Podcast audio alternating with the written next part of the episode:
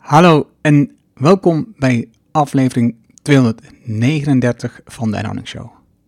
Waar je leert van ondernemers en ondernemende mensen die bijzondere resultaten bereiken, hoe ze hier gekomen zijn, wat ze doen, de strategie en hoe ze klanten krijgen. Mijn naam is Erno Hanning en ik deel mijn opgedane kennis, ervaringen en expertise met jou. Ik coach ondernemers die kennis leveren aan bedrijven om betere beslissingen te nemen, zodat ze weer gaan doen wat ze het allerleukste vinden en doorgroeien naar de volgende fase. Vandaag geen gast, je krijgt alleen mij en ik ga je vertellen over de knallende hoofdpijn die ik kreeg van de stress na een evenement. Laten we beginnen. Welkom in de Erno Hamming Show. De podcast waarin je leert over de beslissingen om te groeien als ondernemer met je bedrijf. Luister naar de persoonlijke verhalen van succesvolle ondernemers en ondernemende mensen. Dan nu, jouw business coach, Erno Hamming. Half september organiseerde ik samen met Claudia Willemsen het eerste 4B-evenement. Dit evenement wilde ik al lang organiseren en het leek ons een mooie gelegenheid om te zien of we dit in een goede samenwerking konden opleveren. Het was een leuk evenement met drie grote sprekers over onderwerpen waar de ondernemers mee worstelen. Tijdens de evaluatie van het evenement kwamen Claudia en ik tot een verschillende conclusies. Voor haar werkte dit niet. Voor mij was het een signaal dat ik dit veel vaker wilde doen. Begin 2019 had ik dan ook data vastgelegd voor drie keer een 4B-evenement in 2020. De eerste stond gepland voor januari. Aangezien er in die weken veel gebeurde in mijn privéomgeving, besloot ik uiteindelijk om deze uit te stellen tot 21 februari 2020. Ik wilde liever een goed voorbereid en waardevol evenement opzetten dan me vasthouden aan de datum. Dit betekende dat er één deelnemer afviel, want hij kon niet op de nieuwe datum. In de beginjaren van mijn bedrijf heb ik best veel evenementen en workshops georganiseerd. Meestal gebeurde dit in het bekende formaat van één of meerdere sprekers, de deelnemers die luisteren en inspiratie opdoen. De deelnemers gaan naar huis met nieuwe energie, maar werkelijk toepassen van de opgedane kennis viel mij vaak tegen. En ook het aantal connecties dat ontstond tijdens deze evenementen kon volgens mij veel beter. Voor het 4B-evenement wilde ik dit anders. Ondernemers samenbrengen. Echt contact maken met elkaar. En elkaar helpen bij de worstelingen waar ze nu mee zitten. Daarvoor vond ik in het boek The Art of Gathering van Priya Parker mooie suggesties en voorbeelden. De auteur Priya is expert in conflict situaties en brengt in haar werk mensen samen om van elkaar te leren en conflict op te lossen. Ze is ondertussen een echte expert om mensen samen te brengen en een waardevolle beleving voor de deelnemers van te maken. Een van de dingen die ik leerde van Priya was dat het evenement al begint voordat de mensen samen zijn. Je kunt ze al betrekken en in de juiste sfeer van het evenement krijgen. Het begint bij het duidelijk maken van het doel van de samenkomst. Wat wil je bereiken voor de deelnemers? Wat wil je dat ze meenemen na het evenement? Met haar tips heb ik de pagina voor het evenement steeds verder aangescherpt. Met de inhoud van deze pagina weten de potentiële deelnemers wat ze mogen verwachten aan waarde. Ze zien ook welk type ondernemers er komen. Ze leren er waarom ik het evenement organiseer. Naar het voorbeeld van Priya heb ik de deelnemers een werkboekje gestuurd met een aantal vragen die passen bij het doel van het evenement. In het werkboekje staan ook een aantal spelregels, zodat ze weten hoe we werken met elkaar tijdens het evenement. De deelnemers die zich hebben aangemeld investeren hiermee al tijd en aandacht, waardoor de kans kleiner wordt dat ze afhaken. De antwoorden die ik ontving van de deelnemers heb ik tijdens het evenement gebruikt om de discussie op gang te brengen en te begeleiden, zodat het beoogde doel wordt bereikt. Hiermee speel ik een actieve rol als organisatie en laat het niet over aan omstandigheden. Verder heb ik het effect van persoonlijke verhalen gebruikt in de bijeenkomst. Niets verbindt mensen meer dan verhalen. De kunst is om ervoor te zorgen dat de deelnemers bereikte resultaten en een cv achterwege laten. Dat helpt namelijk niet voor een transparante omgeving. En dat is mm, goed gelukt. Bij binnenkomst heb ik de mensen kort aan elkaar voorgesteld en stipt om 1 uur begon ik met een persoonlijk weetje van iedereen in de groep. Aansluitend vroeg ik de deelnemers een persoonlijk verhaal te delen dat nog niet veel mensen hebben gehoord. Ik begon dit gedeelte zelf door een persoonlijk verhaal te vertellen over een lastige keuze in mijn jeugd en wat er gebeurde in de laatste week van die fase.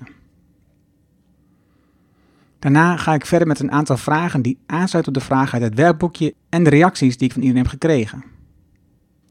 Hiermee werken we langzaam maar zeker toe naar de fase waarin de ondernemers hun grootste worsteling van dit moment delen met een groep die ze nog niet eerder ontmoet hebben. De ondernemers schrijven hun grootste worsteling op en de andere deelnemers krijgen aansluitend de tijd om vragen te stellen ter verduidelijking. Vooral dat stukje van die vraagstel was best lastig, want de meeste deelnemers waren geneigd om te denken in oplossingen en stelden ook vragen in die richting. Wanneer we alle worstelingen duidelijk hebben, is het tijd om de ideeën en inzichten met elkaar te delen die deze onderneming kan gebruiken om het probleem op te lossen. Of om in de slag te gaan in ieder geval. Het duurde even voordat de eerste post-its op de vellen hingen. Maar toen het eenmaal liep, kwamen er steeds meer waardevolle suggesties voor de ondernemer om met haar probleem aan de slag te gaan.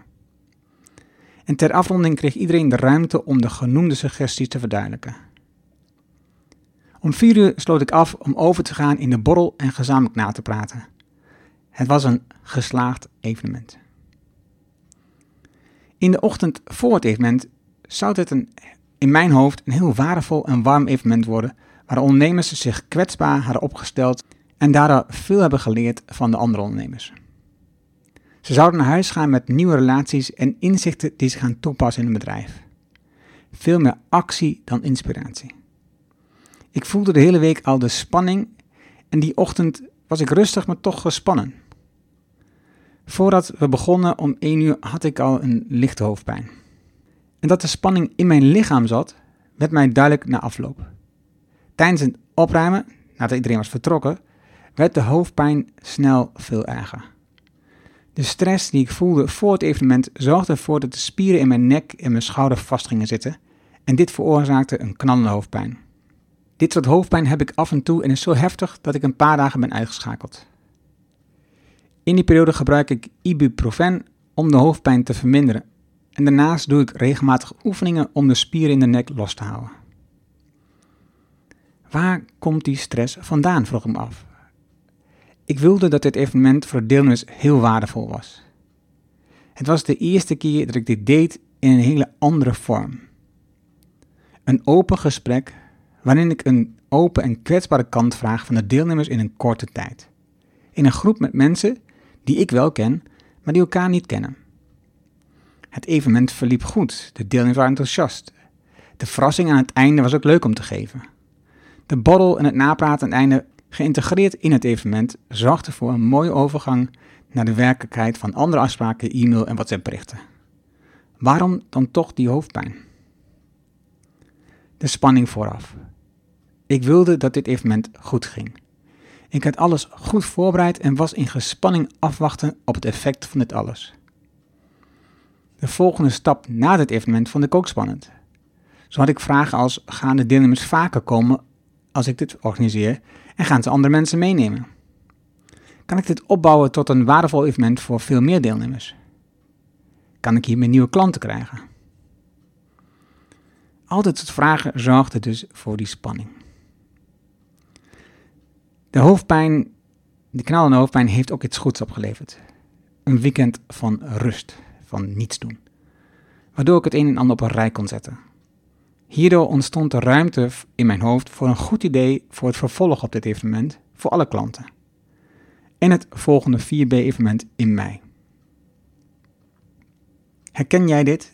Momenten van stress die zich uiten in lichamelijke klachten? En wat doe jij dan om dit te veranderen? Laat het me horen in de reacties. Ik hoor graag van jou. De links naar de artikelen over deze aflevering staan in de show notes. En die vind je op ernohanning.nl slash show 239.